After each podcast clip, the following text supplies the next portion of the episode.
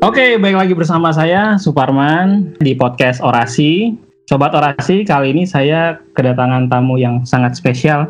Namanya Bang Adi Rohadi. Bang Adi Rohadi ini suka banget belajar dan sampai sekarang juga saya kira masih jadi pembelajar yang sejati. Pertama dia buka bimbel unggulan, terus kemudian beralih ke kursi kuliah sampai sekarang punya usaha rental mobil tapi mobilnya hubungannya sama yang online-online dia ini juga dulu S1-nya di UIN Syarif Hidayatullah Jakarta ya. Jurusannya? Dulu jurusan kesehatan masyarakat, gizi nah, saya ini. Gizi. Nah, orang gizi ya, banting setir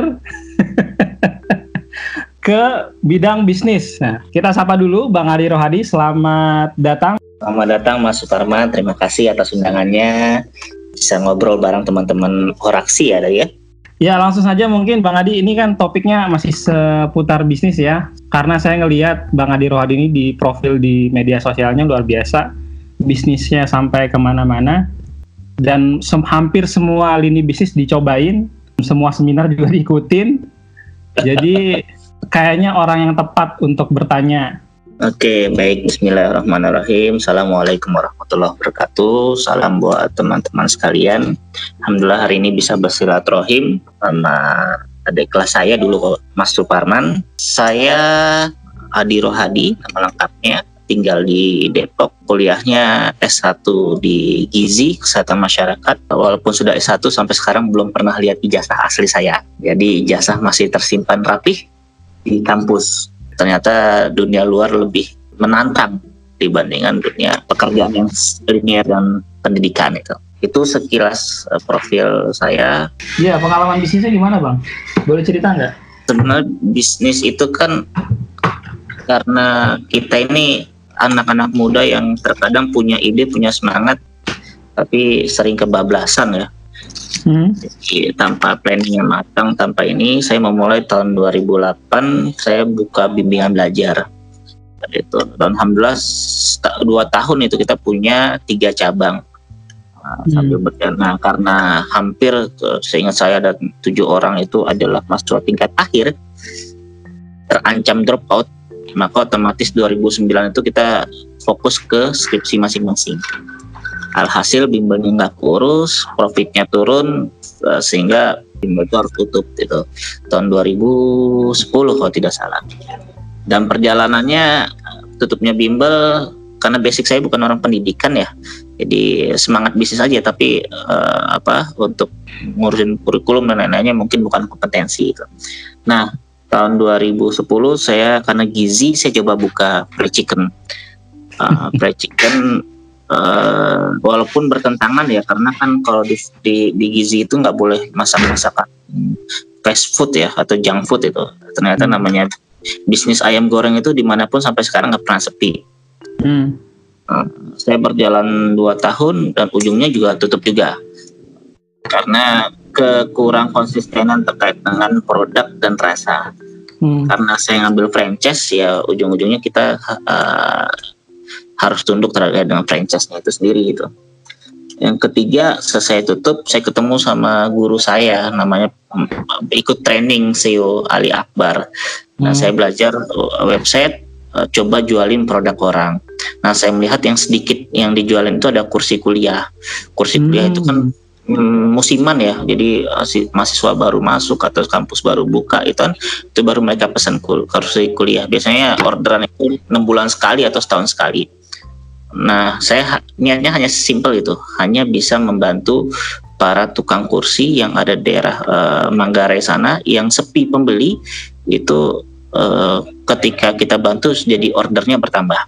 Saya pernah ngirim seribu, eh dua tiga ribu ke Pemalang, uh, seribu ke Jambi, ngirim juga buat Nurul Fikri, buat uh, apa pesantren karena mereka pengadaan kelas baru otomatis kursi harus baru. Itu hmm. jadi terus sampai sekarang masih masih masih jualan tapi nggak serius karena kan sekedar membantu. Jadi hanya bantu saja jadi bukan bisnis utama. Terus tahun 2000 itu saya buka pizza rakyat uh, hmm. hampir 12 outlet uh, karena makanan pizza ini bukan makanan rutin harian uh, apa masyarakat Indonesia hmm. Jakarta Jabodetabek khususnya otomatis sepi juga peminatnya dan ujung-ujungnya biaya operasional lebih besar dibandingkan dengan uh, kosnya uh, hmm. sempat untung di satu tahun pertama tahun kedua sudah mulai sepi akhirnya saya belajar ternyata bahwa bisnis franchise itu itu ada fasenya uh, hmm. fase awal dia akan rame banget tapi selanjutnya masyarakat akan bosan. Makanya banyak orang yang gerobaknya sama tapi produknya bervariasi. Itulah franchise. Hmm. yang kaya mah pemilik franchise-nya. Yang beli franchise-nya sih kadang-kadang kaya kadang-kadang enggak. Nah tahun 2011 saya memutuskan untuk saya pikir selama saya bisnis kok saya nggak punya aset gitu. Hmm. saya mencoba untuk mulai DP mobil cicil mobil uh, apa untuk rental. Di tahun pertama itu saya punya tiga mobil itu hasil uh, eh, DP-nya patungan hmm. uh, saya jalanin ternyata memang uh, itulah azabnya riba ya. uh, mobil saya bermasalah semua gitu itu jadi ada yang hilang ke gade ada yang nggak bayar setoran hasil ya yang sisa tinggal satu mobil sisanya sudah lah gitu. nah tahun 2015 hmm. saya tobat uh, balik lagi kerja uh, apa kerja ditawarin jadi kepala cabang bimbel, terus oke okay, saya terima.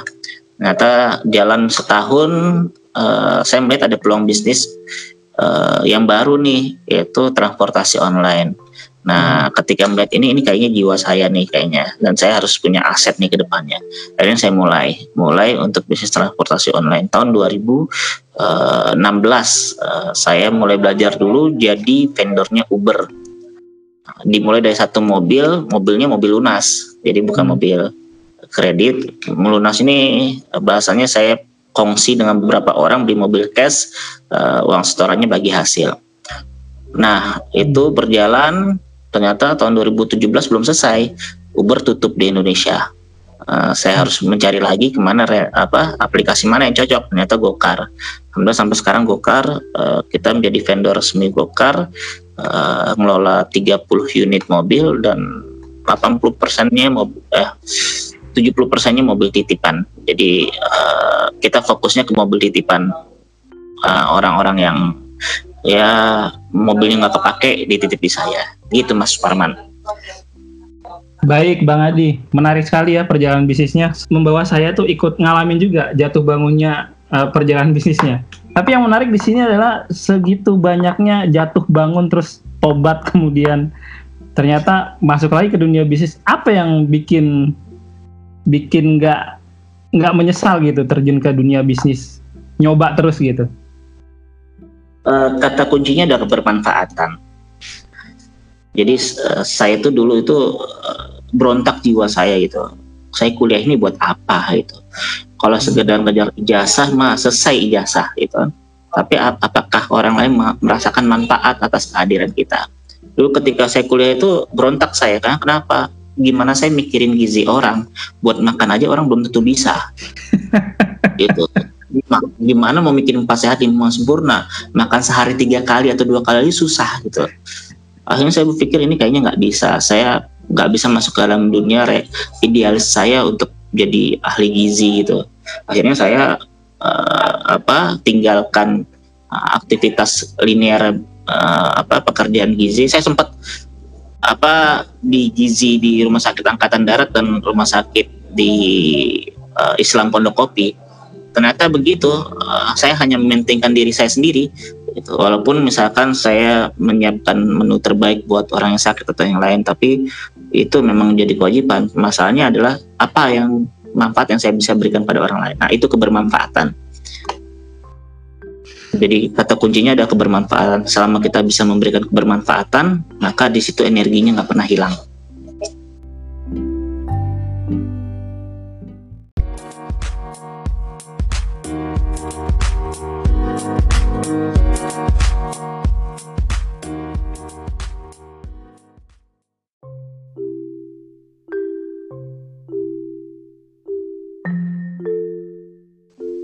Baik, Bang Adi. Soal ngomongin soal gizi nih, kepikiran nggak ya, ingin memperbaiki gizi di Indonesia nih? Sebenarnya gizi itu berbanding lurus dengan tingkat ekonomi. Ya sekarang uh, apa ya orang itu udah susah misalkan contoh gini orang kaya pun dia kelebihan gizi orang miskin kurang gizi gitu iya jadi apa uh, untuk mengatur pola makan dan lain-lain itu suatu hal yang butuh effort yang keras itu. Uh, misalkan contoh Mas Parman pernah dirawat nggak di rumah sakit? Um, rumah sakit saya nggak pernah dirawat di rumah sakit. Ah. yang ad, yang ada waktu itu saya sakit sakit gastritis namanya. Ah. tapi uh, pas ngantri di rumah sakit karena dokternya kelamaan saya pulang lagi. Akhirnya saya sembuh sendiri jadi kalau Mas Suparman itu ke rumah sakit itu kan itu pasti ngeliat pasien yang dikasih makan itu belum tentu dimakan sama pasiennya. Iya betul betul. Nah kadang-kadang dibawa, dibawa dibawa sama uh, keluarganya makanan dari luar. Iya. Nah, akhirnya ya bukan masalah sehat mas malah tambah sakit itu kan Hmm. Gitu. Jadi sebenarnya uh, gizi itu uh, memperbaiki gizi Indonesia itu dimulai dengan keluarga. Uh, jadi hmm. kalau di keluarga itu mereka sudah mulai care akan uh, pola hidup sehat itu insya Allah sih uh, Indonesia akan terbentuk. Masalahnya itu tugas berat dan panjang. Saya serahkan pada Menteri Kesehatan sekarang aja dari jangan saya. Berarti perlu ada ini ya, KIG ya, Bang Adi ya. Apa tuh? kartu Indonesia Gizi. ya, gitulah. Oh gitu. Kan kita sekarang suka mainnya sama kartu, ya kan? Gitu. Kayaknya sekarang presiden sekarang udah pakai kartu lagi. Oh udah nggak? Pakainya apa? Aplikasi ya? Aplikasi. Soalnya bos saya sekarang jadi menteri. Nah itu uh, ngomongin soal bos Bang Adi yang sudah jadi menteri pendidikan. Ada efeknya nggak ke mitra-mitra Gokar itu atau vendor-vendor dari Gokar? Lah malah kita malah bahagia karena kan setidaknya nanti dia dekat sama Menteri Perhubungan sama Menteri Kominfo. Regulasi akan lebih mudah. Nggak ada kekhawatiran apa gitu? Nggak ada. Tapi, ketika jadi yang khawatir itu malah kompetitor. Hmm. Tapi di media ini ya, para driver go ride ya kebanyakan ya. Hmm. Katanya mau demo segala macam. Iya, apa yang di demo? Sekarang gaji gaji driver Gojek itu bahkan lebih tinggi pada ahli gizi. Oh, makanya ahli gizi banting setir ya. banting setir. Kan tadi belum banting setir kita. Bang Adi saya mau ngambil sedikit kesimpulan nih. Berarti maksud Bang Adi tadi kalau nyinggung soal gizi sampai kapan pun kalau gaji gaji kita tidak memenuhi standar yang kita ya nggak akan jadi manusia yang bergizi. Betul. Jadi sebenarnya kan gizi itu kan tergantung kemampuan. Iya kemampuan. Sekarang, sekarang kalau untuk yang yang kurang gizi, gimana mereka mau cukup gizi gitu. Kalau seandainya buat makanannya susah gitu. Apalagi, apalagi mahasiswa mahasiswa gizi kadang makan kadang enggak ya. Iya, dulu saya kalau ke warteg itu saya ngitungin Mas Farman. Oh, ke warteg ini ini nasi 60 kalori, terus saya tambah tempe, saya hmm. tambah tahu. Oh, ternyata satu bulan pusing hidup saya itu. Kenapa pusing? Iya, ternyata antara idealisme dengan realita itu uh, belum tentu sejalan. Iya, iya, iya. Jadi kalau mau makan yang sehat itu harus ada ini, ini, ini, ini, ini. Uh, ternyata duit nggak cukup, ya sudah Gitu. Tapi ini emang ini juga bikin saya penasaran juga ya. Saya saya juga sempat uh, research, bukan research ya, ya googling lah ya istilahnya. Istilah kerennya kan research ya. Saya googling itu soal makanan sehat gitu. Nggak ada yang murah. iya. Ternyata nggak ada yang murah gitu loh. Semurah-murahnya makanan sehat tetap aja mahal.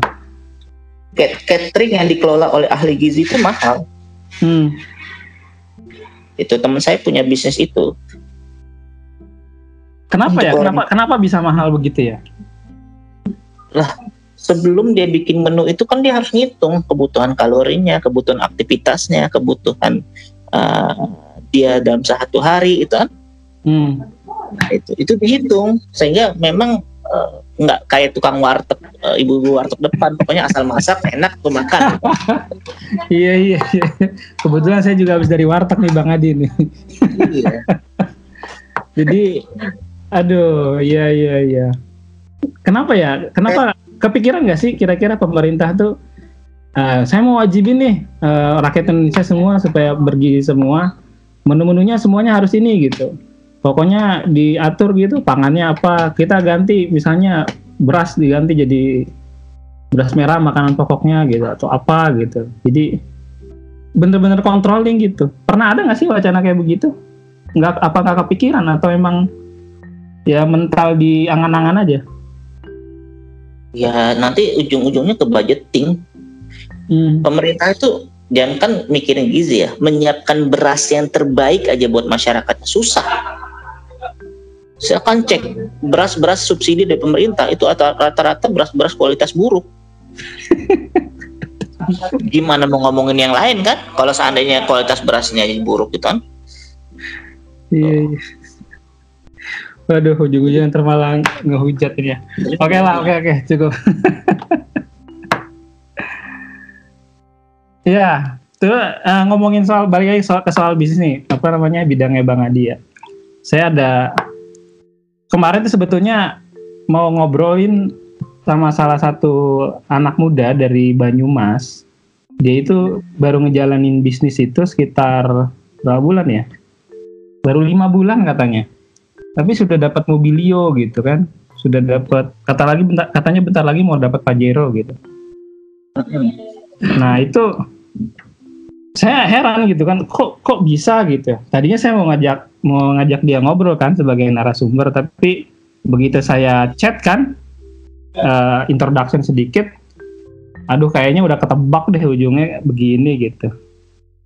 Uh, mungkin Mas Adi juga atau Bang Adi juga pernah pernah ngikutin bis, bisnis semacam ini kali ya?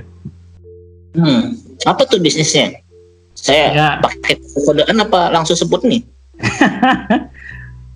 ya hubungannya sama inilah, sama uh, apa namanya, sama mobil-mobil juga lah, sama bahan bakar juga lah. Yang katanya bisa menghemat sampai 5% ya janjinya ya. 50%. 50%, 50% apa 5%? 50%. 50% tuh bahkan. Ini saya lagi pegang produknya. pakai juga, Bang Adi pakai juga. Ya, saya kan kalau pengen kalau bahasa teman saya tadi riset. Oh gitu.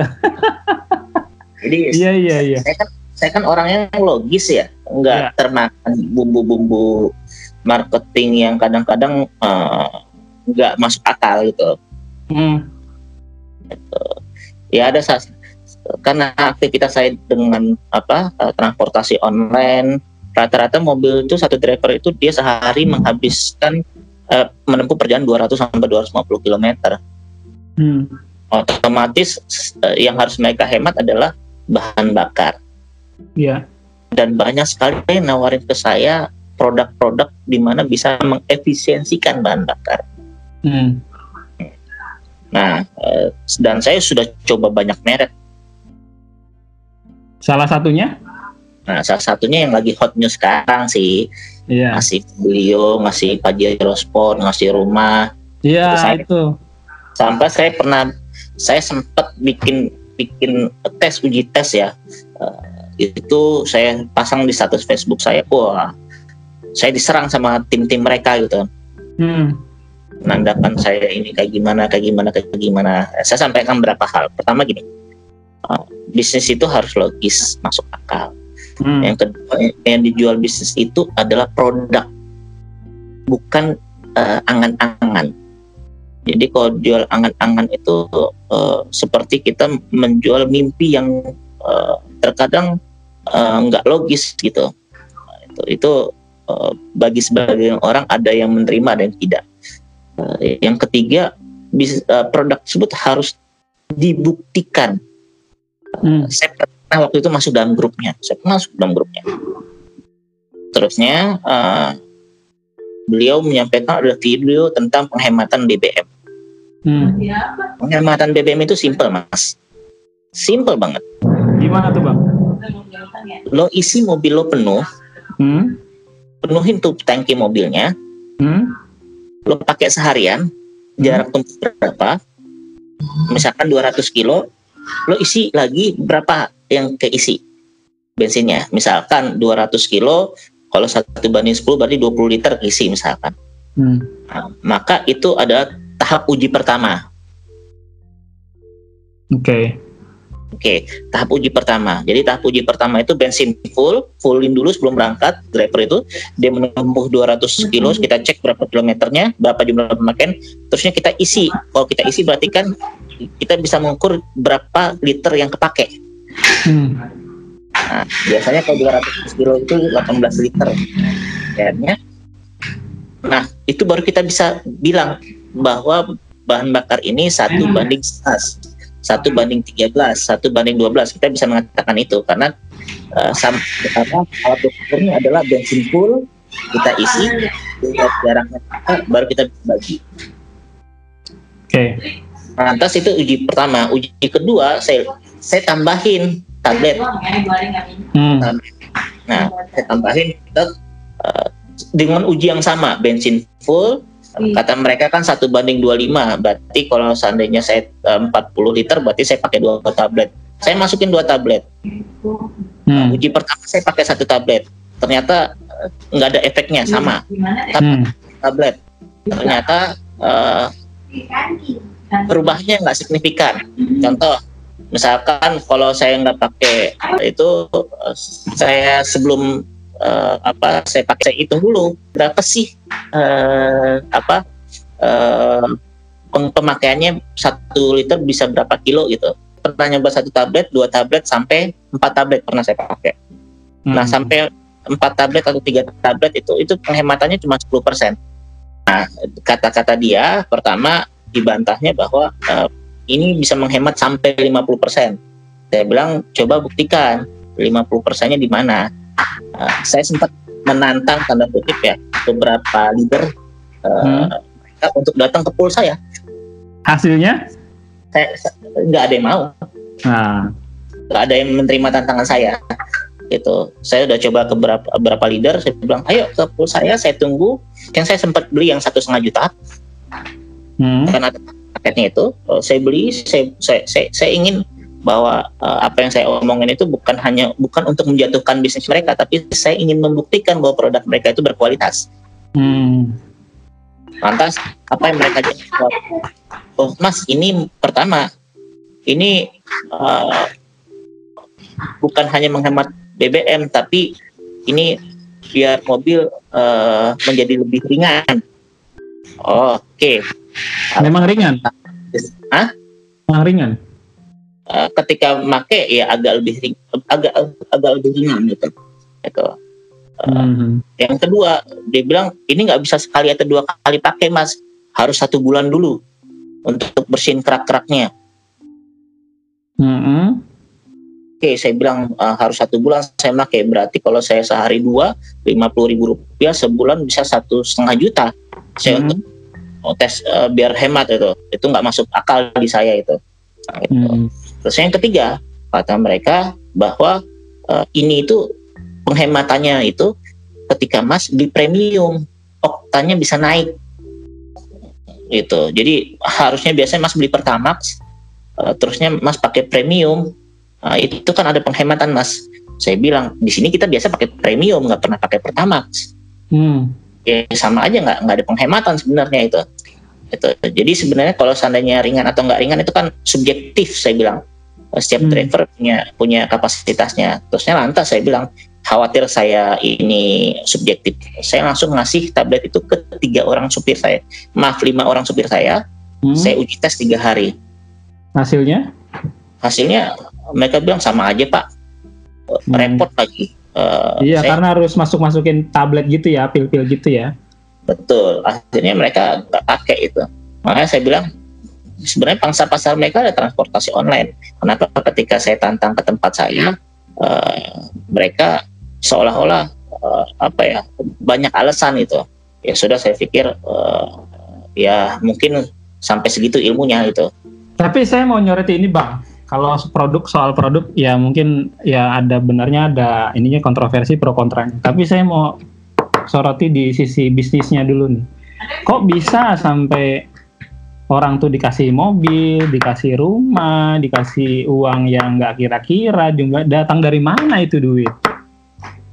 Gini mas, kita bicara bisnis ya. Iya. Yeah. uh, kayak tadi saya saya membahas dalam aspek produk sehingga saya tidak menjatuhkan dalam aspek bisnis. Hmm. Nah, kalau dalam aspek uh, produk itu nggak bisa dibuktikan itu kan. lantas mereka menjual bisnisnya hmm. gitu jadi kalau produknya itu nggak unggul itu pasti mereka akan akan menggunakan metode lain dan memberikan iming-iming oke. Okay. saya saya pernah bilang bahwa bisnis ini MLM tapi mereka bersikeras bahwa uh, ini bukan MLM oke okay lah uh, itu mereka bilang PLBS lah penjualan langsung berjenjang syariah gitu. Bagi saya di mana-mana uh, kayak gitu MLM dan mereka pakai biner uh, dua kaki. Nah simpelnya gini mas. Uh, saya pernah ngobrol dengan salah satu top di atasnya kalau Mas Tarman lihat produk-produk itu saya pernah hmm. nanya apa bedanya yang asli sama yang palsu. Oke. Okay. Saya pernah, pernah beli produk itu di pasar gelap, Mas. Oh ya? Hmm. Kalau dijual rata-rata itu dua puluh lima ribu satu butirnya. Uh -huh. Saya bisa beli empat ribu rupiah, Mas. Oh. Tapi sekarang emang harganya sekitar segitu ya? Iya, harga yang dijual kan dua puluh lima ribu. Oh, satu biji apa satu box? Satu box itu dua ratus lima puluh ribu. Uh -uh. Isi sepuluh. Saya bisa beli empat puluh ribu isi sepuluh. Hmm. Bayangin mas, orang yang pertama kali daftar itu dapat misalkan dapat tujuh box misalkan. Hmm. Nah, tujuh box kali eh, empat puluh ribu aja kalau, kalau modal dasar itu itu dua ratus ribu. Berarti hmm. untungnya sampai satu koma dua satu orang mas. Hmm. Ya, dia tinggal bikin biner kaki ke bawah. Hmm. Sampai 10 sampai 100. Kalau sampai 10 kan dia dapat motor kan? Iya. Yeah. 10 kiri kanan berarti kan 20 orang. 20 hmm. kali 1,2 24 juta dapat satu motor. Jadi kayak ini ya. Sebenarnya nggak ngelihat barangnya ya. Nah sekarang mereka kan beli nggak tahu barangnya seperti apa. Mereka cuma dibilang ini bisnis anti gue berkah, ini sahabat, uh, apa, alam dan lain-lain itu kan. Itu kan karena mereka nggak bisa memastikan produk ini berkualitas apa tidak. Kalau seandainya gini, pernah beli lampu Philips nggak? Pernah. Nah, ada garansi nggak? Um, kalau di kotaknya sih, eh, buat saya nggak merhatiin sih bang. Nah, kenapa mau beli Philips? Juga. Karena brand aja. Nah, ada nggak Philips tulisan uh, rusak ganti baru? Kayaknya nggak ada deh. Di kotaknya nggak ada deh kayaknya. Karena kualitasnya sudah bagus kan? Iya, karena orang udah udah percaya sama brandnya sih. Lagian ya, ya lima puluh ribu ya lima puluh ribuan kan harganya itu Philips. Murah mahal. Relatif sih ya. Nah, dibandingkan tetangga sebelah yang beli dua gratis satu. Iya, murahan tetangga sebelah. Nah, iya. Terus lebih cepat putus mana? Ya, itu tetangga sebelah sih biasanya. itu dibilang. Dia akan akan bikin promosi ketika dia tidak yakin akan produknya. Oke. Okay. Jadi maksudnya dia akan banyak banyak cuap-cuap kalau memang produknya kurang berkualitas makanya ketika saya bilang uh, yuk saya tantang uji produk ini masuk dalam kategori fraud nggak sih uh, lagi-lagi orang kan nggak mau dibilang fraud ya uh. Uh, karena tadi mereka bilang udah dapat sertifikasi halal MUI uh, terusnya apalagi macam-macam yang mereka mereka ini tapi saya bilang itu kalau dia berani jual pasar bebas. Iya, tapi gini Bang Adi, saya saya mau sedikit masuk ke soal harga tadi. Soalnya yang saya saya dapat ini infonya emang satu pel itu harganya sekitar 5000 kok. Itu motor. Oh, mobil beda ya? Mobil 25.000. Hmm, iya. Saya beli mobil cuma 500 perak. Eh, motor cuma 500 perak. Wah, gila. Gimana kalau ada yang tiba-tiba ngaku terus dengan mengatasnamakan AR misalnya? Nah itu gimana tuh kan gak ada yang tahu juga ya? Ngaku apa? Ya ngaku ini produknya nih, lu ambil sama gua aja, lebih murah kok. Oh itu silakan cek di Tokopedia, Shopee dan lain-lain ter terjual bebas kok. Iya enggak, maksudnya kalau ada orang yang begitu terus datang ke kita atau ke teman-teman kita ke komunitas gitu, lu belinya sama gua aja, harga lebih murah daripada sana gitu. Itu bisa kejadian tuh ya? Bisa dan banyak. Dan nggak ada nggak ada tindakan khusus gitu atau apa gitu? Dan eh, itu dia saya bilang, saya pancing mereka itu. Mereka salah satunya distributor dan punya punya kantor. Hmm. Mereka menunjukin uh, ini kode saya dan lain-lain itu kan. Hmm. Dia bisa jual murah. Dia bilang dia ada strategi di mana uh, dia beli banyak dulu. Hmm. Dia beli 300 juta Hmm. untuk dapat satu mobil dan barang. Hmm. Jadi tekniknya dia itu dia keluarin uang 300 juta, dia dapat cashback mobil 150 juta, 150 juta ini barang. Hmm. Saat di breakdown, saat di breakdown dia bisa menjual produk itu dengan harga 4.000 rupiah. Hmm. Kan kalau seandainya dia udah dapat mobil itu, misalkan dia udah dapat mobil mobilium, maka otomatis bukan hanya dapat mobil doang, tapi dia bisa dapat motor, dia bisa dapat umroh, gitu kan? Ya. Berarti kan ada lapis. Hmm. ketika dia misalkan ngeluarin duit 500 juta atau berapa dia nanti bisa dapat hadiah Pajero Sport nanti dapat mobilio dapat ini diambil semua mobilnya pas sisanya barang Hmm. nah itu strateginya apa dia mainkan di situ. Barang-barang tersebut dijual murah. Iya, yang penting orang daftar gitu ya, masuk join. iya betul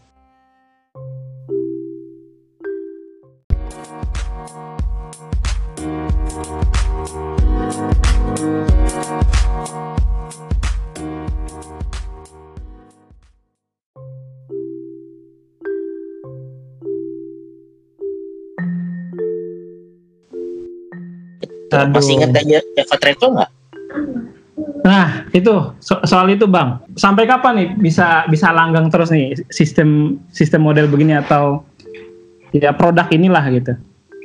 sampai orang sudah tahu bahwa itu MM saya yakin uh, akan dengan sendirinya akan tutup. Ini fasenya ketika dia sampai fase uh, sudah fase terbawah nggak ada orang lagi yang uh, bisa dikibulin.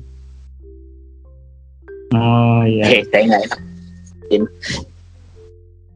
Iya iya iya iya. Berarti nunggu aja ya. Ntar juga Ya, Ya, prediksi saya dua tahun lah paling lama. tapi ini mulai dari tahun berapa sih nih? Bukannya udah tiga udah masuk tahun ketiga ya? Tiga tahun ya. dan Hmm. baru ramainya di satu tahun terakhir. Dan memang saya ketemu saksi hidup di mana ada satu top leader itu dia ngeluarin duit besar untuk jadi top leader. Oke. Nah, itu jadi dia ngeluarin duit berapa ratus juta. Uh, terusnya dia jadi top leader, terusnya dia ambil semua hadiahnya yang sesuai dengan bidang yang dia dapetin, Hmm. otomatis dia udah punya anak buah sendiri.